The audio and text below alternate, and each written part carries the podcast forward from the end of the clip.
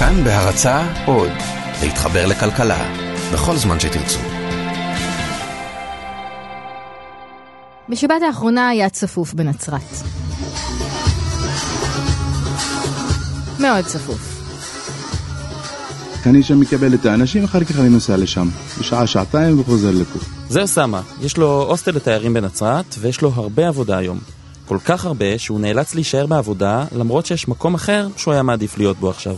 אבל עכשיו אשתי, ב... אני מאחל לה מזל טוב, למה היום היא ילדה בן. בזמן שאשתו נמצאת בבית חולים, אוסאמה עובד. בדרך מההוסטל שלו לעיר העתיקה של נצרת, עוברים דרך השוק. בדרך כלל יש פה קפה, פירות וירקות ומוצרי חשמל, אבל היום יש מוזיקת חג מולד מסורתית, ובדוכנים מוכרים בובות קטנות של סנטה קלאוס ועצי אשוח עם שלג מזויף. הרחוב הראשי חסום, עוד מעט תתחיל פה תהלוכת החג המסורתית. שלושה מיליון תיירים מגיעים כל שנה לישראל. מיליון וחצי מהם הם צליינים, כלומר, לא אבירים על סוסים שמגיעים למסע צלב, זה רק אני מתבלבלת כל הזמן? כן. אלא תיירים נוצרים שעולים לרגל אל המקומות הקדושים לנצרות. בכל מקרה, חצי מיליון תיירים מבקרים כל שנה בנצרת, ובחג המולד לבדו מבקרים בה מאה אלף איש.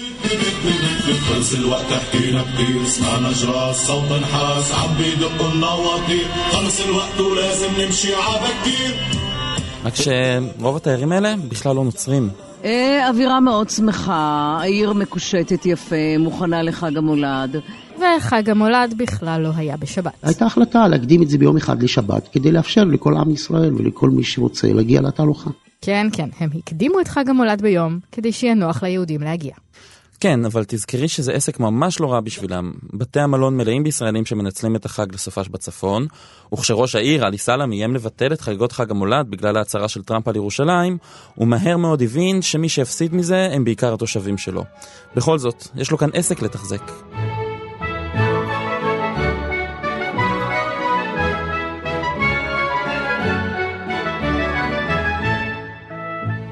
היי, אתם על חיות כיס, הפודקאסט של כאן כלכלי.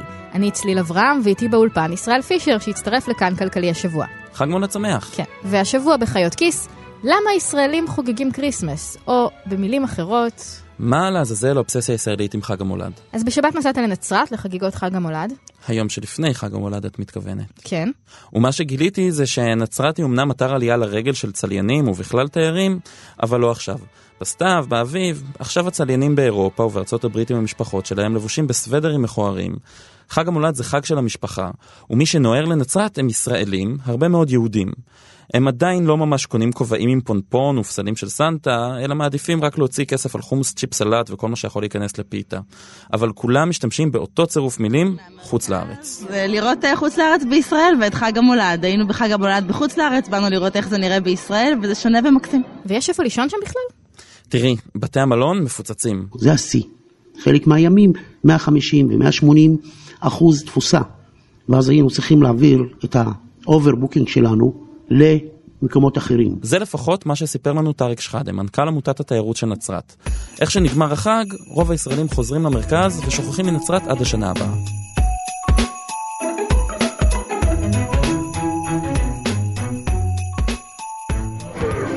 חמש שנים אני גרה בפלורנטין, בחיים לא הייתי פה.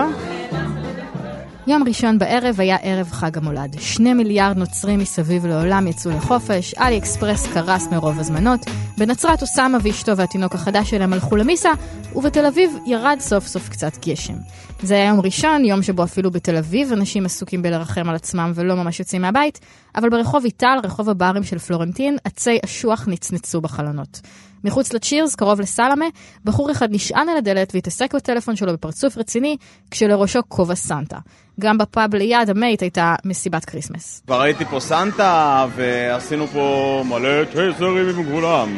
זה טל, הוא המנהל של פאב המייט בפלורנטין. זהו, ומגניב, אתה שמנו אורות, שלב עם הכובע היחיד שעובד ועושה אורות. גם לי היה כובע עד לפני עשר דקות, פשוט נהיה לי חם כי התרוצצתי. מחר נראה לי יותר מגניב, אנחנו אוהבים את ה show, בגלל זה גם שמנו את זה ותלינו אורות בחוץ ויש כל מיני דברים כאלו. היה כיף? מהלילות היפים של חיי. אבל לא רק בפלורנטין יש מסיבות כריסמס. כל השבוע היו המון מסיבות כריסמס בתל אביב ובכל הארץ. הנה תראה מה קורה כשאני מחפשת כריסמס ב events בפייסבוק. חגיגת כריסמס, פורח כריסמס, מסיבת חנוכריסמס, זאת בתל חי, אלה שיקבלום חגיגות כריסמס בלבונטין, הו-הו-הו, מסיבת כריסמס חגיגית באווירת חו"ל, מסיבת כריסמס היפ-הופ ורגטון, ואלה לא רק מסיבות, יש גם pop-up sale בגדי מעצבות לכריסמס בשוק הפשפשים ביפו, ויריד כריסמס בשוק צפון ברמת החייל, עם יין חם כמו בפריז. אפילו בפתח תקווה יש חנויות עם סנטה, ולא רק לנובי גוד, גם שם חוגגים כריסמס. אז התקשרתי לכמה מהמקומות האלה שעושים מסיבות כריסמס. שלום. אני צליל ואני מחפשת את הפורח, זה אתה? כן, בין היתר. אני... אני עוסק בדראג, הפורח זה שלי. למי שלא מכיר, פורח זה עוד דרך להגיד פרחיות, רק בקטע חיובי. במקרה הזה זה שם של ליין מסיבות. איך קוראים לך? השם הרגיל שלי זה אוהד. האמת שלא ידעתי ממש מה לשאול. כאילו, רציתי להבין למה, אבל לא בקטע של מה יהודים טובים כמוכם זורמים ממסיבה של גויים. רציתי להבין בעצם, למה עכשיו? גם לי בתור זה שארגן את זה, היה קצת מוזר כביכול לחגוג את הכריסמס, כי אין לי מושג מה זה מה הכריסמס, כאילו חלק אומרים שזה חג של שנה חדשה, חלק אמרו לי שזה בכלל אה, חוגגים איזשהו אה, מישהו שהיה אנטישמי, אין לזה באמת תשובה. אז למה הלכת על זה? כי זה קונספט מעניין, וגם הייתה לי הזדמנות להיות סנטה קלאוס. זה נראה כאילו כל מנהלי הברים פשוט רוצים להתחפש לסנטה קלאוס. כן, האמת שהכנים בהם פשוט אמרו את האמת. זה למשל מוטי, המנהל של הטנג'יר בתל אביב. אני לא חושב שאנחנו אה, מחפשים משמעות בכל דבר שאנחנו חוגגים. אני חושב שגם הדור הזה הוא הופך להיות יותר אה, נהנתן, יותר אה, רוצה באמת אה, לחפש את הדברים האחרים. אז מה, זה עוד דרך אה. להוציא אנשים מהבית? כן, לגמרי. עוד דרך אה, לגרום לאנשים אה, לצאת. בחורף אה, הרבה אנשים אה, חושבים פעמיים לפני שהם יוצאים, אז אנשים כאילו, אנשים מחפשים את זה.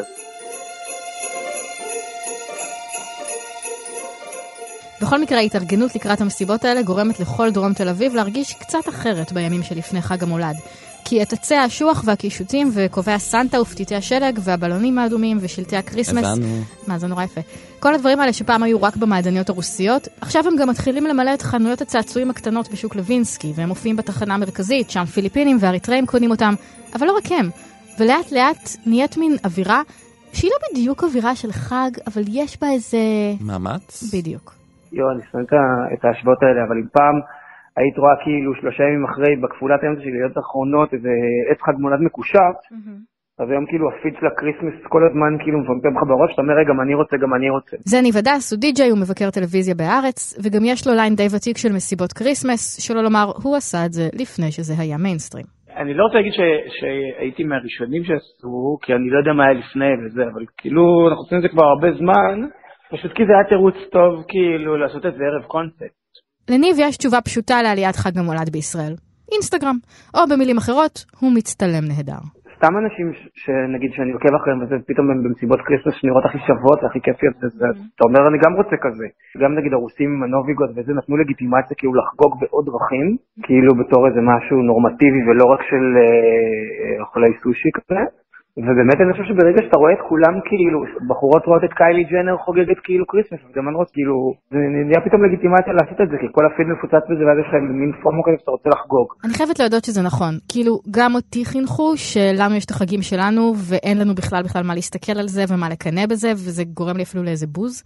אבל בסיבוב שלי בפלורנטין הגעתי גם למקום שנקרא אוריאל 23, מרכז שמפעילים יהודים משיחיים שמאמינים בישו.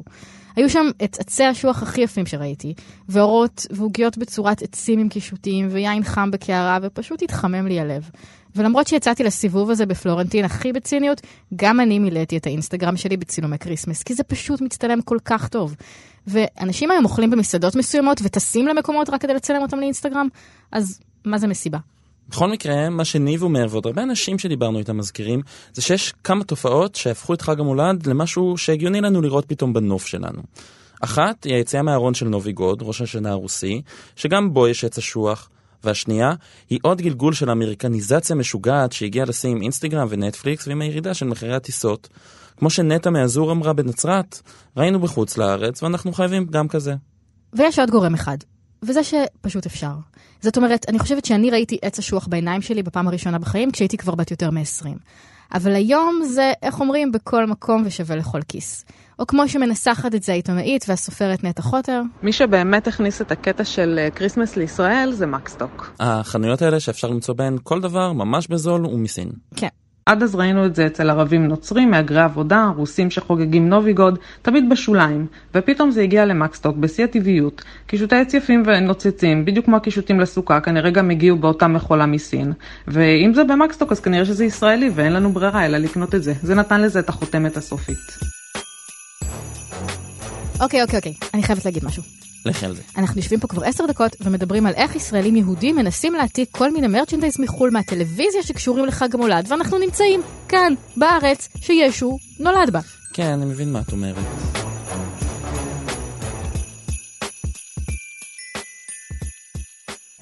קודם כל אנחנו מחמיצים את בית לחם בזה שאנחנו לא נוסעים אליה בכלל, לא רק בחג המולד. זה יובל בן עמי. זה פשוט מקום מדהים, חבל שאנחנו לא מכירים אותו יותר. הכנסייה שניצבת על מקום הלידה, היא הכנסייה העתיקה ביותר בעולם, שעדיין משמשת באופן רציף מאז שנבנתה. וואו. הכנסייה המקורית נבנתה שם במאה הרביעית. יובל מגדיר את עצמו סופר גיאוגרפי, והוא גם עיתונאי, הוא מדריך טיולים ומוזיקאי, ואחד המטיילים היסודיים ביותר של ארץ ישראל. כשעבדתי על הפרק הזה התקשרתי ליובל ואמרתי לו, אני עושה פרק על הכלכלה של כריסמס, לאן בירושלים אני צריכה לנסוע? ויובל ענה, לבית לחם. בימים שקודמים לחג המולד, צומח בכיכר המרכזית שלה עץ חג מולד מרהיב, ויש בה איזושהי התרגשות שמאחדת את כל תושביה. חג המולד בבית לחם הוא כמעט גם חג מוסלמי, מכיוון שלמוסלמים כל כך יקרה העיר וכל כך יקר חג המולד. אז אה, חשים ממש את השמחה. אבל האמת, וזה לא יהיה הרגע הכי עיתונאי בהיסטוריה שלנו, לא נסעתי לבית לחם. גם אתם לא נסעתם לבית לחם. למרות שבית לחם היא מקום הולדת ישו, ויש בה את האימא של הקריסמס יותר מכל עץ אשוח סיני וחותכני עוגיות ממקסטוק, הכמיהה הישראלית לקריסמס מדלגת על החלק הזה, על הדבר עצמו. בית לחם נמצאת בשטח A, בגדה המערבית. באופן רשמי אסורה לכניסת ישראלים. אה, אני חושב שיש ישראלים שיכולים להיכנס בתאומים עם הצבא, יש כל מיני ארגונים שמביאים קבוצות, אבל למען האמת, אפשר להיכנס אליה גם בלי והרבה הרבה יותר פשוט, ואני יודע שבזה אני קצת מטיף לאי ציות אזרחי, אבל uh, אני בעד להכיר את השכנים ולהכיר עיר כל כך היסטורית וכל כך קדושה, שנמצאת כל כך קרוב אלינו. בית לחם היא פרבר דרומי של ירושלים. ישו נולד בבית לחם. במרכזה נמצאת כנסיית המולד, שמתחתיה מערת הלידה, שבה הנוצרים מאמינים שנולד ישו.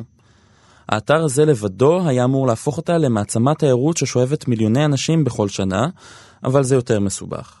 האמת שמתוך שלושה מיליון התיירים שמגיעים לכאן בשנה, מעטים מגיעים גם לבית לחם. אפילו בקרב הצליינים, בית לחם זה לא מקום שנשארים לישון בו ולבזבז כסף. הם לוקחים אוטובוס מירושלים ועוזבים אחרי שעתיים, זה פשוט מסובך מדי. השנה המצב קשה במיוחד. ההכרה של הנשיא טראמפ בירושלים כבירת ישראל גרמה למהומות בערים פלסטיניות, והתיירים מפחדים. זה מה שנור, מדריך טיולים שעובד בשיתוף פעולה עם מדריכי טיולים מישראל, סיפר לנו. What we are seeing is like it's like really quiet uh, a lot. מה שנור אומר זה שהשבוע השלישי והרביעי של דצמבר בדרך כלל מאוד מלאים בתיירים, החלקים הכי עמוסים של העונה, אבל עכשיו כמעט ואין תיירים והרבה קבוצות מבטלות. גם בשנים אחרות, בית לחם לא ממצה את הפוטנציאל התיירותי שלה. בית לחם זאת עיר ששנים נשענה על כוכב הכסף הזה שטמון בתוך הכנסייה. ועל כך שאנשים ירצו לבוא ולראות אותו. זה מקור ההכנסה שלה, ששם ישו נולד ובאים כן. צליינים, מזה היא חיה? כן, כן. כלומר, עיר יפה ואטרקטיבית גם ככה, אבל זה, זה מקור המשיכה. וכתוצאה מהמדיניות של הכיבוש, אה, לא שוהים שם תיירים. המלונאות מאוד מאוד נפגעה מאז שנבנתה החומה. והמלאכה המקומית, שהיא של יצירת פסלוני עץ קטנים בדמות מריה וישו וגמלים, גם זה נפגע, כי יש צליינים ותיירים שבכלל לא מגיעים לבית לחם, גם נוצרים, והם פשוט בירושלים עושים את הקניות. בית לחם זאת עיר שנאבקת לשרוד מבחינה כלכלית. אז היום בית לחם היא עבורנו אקס טריטוריה, טיול אקסטרים, אבל פעם הייתה נקודת ציון בסיסית בטיול בארץ ישראל, בטח לנוצרים, אבל גם לישראלים וליהודים. מתי היית שם בפעם הראשונה? אני הייתי שם בפעם הראשונה בשנות התשעים העליזות, כשזאת לא הייתה עבירה על החוק, ו- והגישה, אני הלכתי לשם ברגל עם חבר בריטי ששהה בירושלים, פשוט הלכנו ברגל מהעיר העתיקה של ירושלים לתוך בית לחם, ומשם הלכנו להרודיון. אני זוכר שכשחזרנו, הבריטי הזה הסתכל סביב, והוא אמר, המקום הזה ממש מזכיר לי את יורקשייר. והסתכלתי גם אני וראיתי חומות אבן וחמורים וסברסים ולא הבנתי איך זה קשור ואמרתי לו איך זה קשור והוא אמר כשתהיה ביורקשייר תבין. נו. הייתי ביורקשייר ולא הבנתי ואני זוכר שכשחזרנו לירושלים היה, הייתה המולה סביב בריכת הסולטן והבנו שהולך לשיר שם סטיבי וונדר. וקנינו כרטיסים ואכלנו אה, בייגלה וצפינו בסטיבי וונדר ואני חושב שזה היה היום המושלם שלי בכל הזמנים של מפגש ומגע עם הארץ הזאת ועם כל מיני צדדים שלה. עם כנסיית המולד, עם יורקשר, עם סטיבי וונדר ועם הבייגלה. אה, אני חושב שלאהוב את הארץ זה אומר אה, לגעת בכל גוון שלה. ומותר ואפשר, וזה לא שולל את הזהות שלנו, לחפש למשל את חג המולד, או ללכת למשל לעיר פלסטינית. להפגיש את כל המקומות האלה עם המקום שממנו אנחנו באים, עם התוכן התרבותי שאיתו אנחנו באים, זה יוצר תמונה כוללת שהיא כל כך מרהיבה וצבעונית, שהיא רק יכולה למלא אותנו באהבה ובשמחה.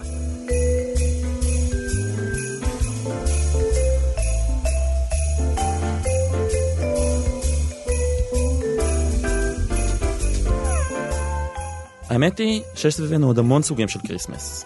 חנה בנדיקובסקי, מנהלת תוכניות מרכז ירושלים ליחסי יהודים נוצרים, מספרת לנו על עוד חגיגות שאנחנו מפספסים. יש פה גם את המבקשי מקלט אה, והפליטים מאריתריאה, וגם הם מנסים לעצב לעצמם את החג. כשהם יחגגו בעוד שבועיים לפי לוח השנה היוליאני, הם כולם מגיעים לבית לחם. שם יש להם בעיה. כי זו כנסייה שרגילה להכיל 30-40 נזירים. אז הם מארגנים חגיגות ותפילות וריקודים ושירים ברחוב מול הכנסייה האתיופית, מסורת חדשה לגמרי, בבית לחם כל שנה בליל השישה בינואר. חנה מספרת שבירושלים בקושי רואים בכלל חגיגות כריסמס, ואם כבר יש, הישראלים הסקרנים רק מפריעים. גם למהגרי עבודה מהפיליפינים ומהודו יש חגיגות מעניינות. ספר לי, מה המסיבה הכי טובה בעיר?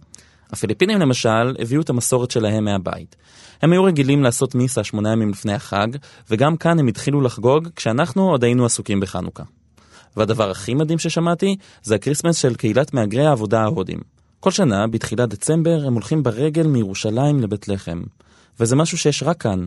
אז גם בחג המולד עושים אה, תהלוכה לשלום מירושלים לבית לחם, כמובן כובעי סנטה קלאוס ותלבושות ושרים שירים של חג המולד, בשפות הודיות שונות. זה הדרך שלהם לחגוג את החג במציאות הישראלית, זה לא משהו ש... איך את זה פספסנו? כי אנחנו לא חלק מרוח החג. ההודים פיתחו את המסורת שלהם כאן בארץ ממש בעשר השנים האחרונות, וברור שהם לא יכולים לצעוד לבית לחם מניו דלי. ובכלל, בכנסיית דור מציון בירושלים החליטו שהם רוצים לספק את יצר הסקרנות של הישראלים, ובחצות הם עושים מיסה מיוחדת עם קטעים בעברית. אחרי שאת המיסה שלהם, האמיתית, הם כבר עשו בתשע וחצי, בלי שסקרנים יפריעו להם. אז למה ישראלים רוצים כריסמס? אולי בעצם אפשר לשאול למה לא. נכון, זה לא חג שלנו, וזו אמריקניזציה משוגעת. לפני עשר שנים ילדים התחילו לעשות פה פרום, ועוד מעט יהיה גם חג ההודיה. מזעזע. אבל האמת היא שכל הסיפורים שסיפרו לנו חנה ויובל, וגם הבליינים בפלורנטין והתיירים בנצרת, ממש מעלים חיוך. ווואלה, כל השבוע הזה אנחנו מתווכחים האם יהיו או לא יהיו מרכולים בשבת, כאילו יש רק שתי אפשרויות בינאריות. אבל הנה, שבוע אחד בשנה אנחנו באמת נעשים מקום קצת רב תרבותי, וגם זה משהו. המיסה שאומרים בחצות של חג המולד בבית לחם, חג המולד ה-25 בדצמבר, לא נאמרת בכנסייה הזאת, אלא בכנסייה שלידה, כנסיית קטרינה הקדושה, שהיא חדשה יותר, והיא המרחב הקתולי הלטיני של הכנסייה, משום שהכנסייה המקורית ההיסטורית היא נמצאת בידי אה, הכנסייה היוונית אורתודוקסית, והם חוגגים את חג המולד בשישי ובשביעי בינואר. אז יש עוד חג מולד, מה שאומר שלמי שרוצה לחמוק לבית לחם. יש מועד ב'. הקרובים, יש מועד ב', בדיוק. אם הייתם במסיבת ה Christmas הכי אדירה בארץ, אם אתם נוצרים משיחיים שחושבים שלא הבנו כלום, אם יש לכם מתכון מדהים לעוגיות ג'ינג'ר, ואם אתם מארגנים ליין מסיבות Thanksgiving, וזה הולך להיות הדבר הבא, כתבו לנו. אנחנו כאן כלכלי בפייסבוק, ויש לכל אחד מאיתנו טוויטר, ויש לנו גם קבוצת פייסבוק חדשה שנקראת חיות כיס. אפשר לשמוע את כל הפרקים שלנו ואת הפודקאסטים האחרים של כאן באפליקציית כאן אודי ובאתר כאן ובכל אפליקציית פודקאסטים שאתם אוהבים. תודה רבה לעורך שלנו רום אטיק, תודה לטכנאי ההקלטה אסף רפפורט, תודה רבה ישראל פישר. תודה צליל. ותודה לכם שהאזנתם.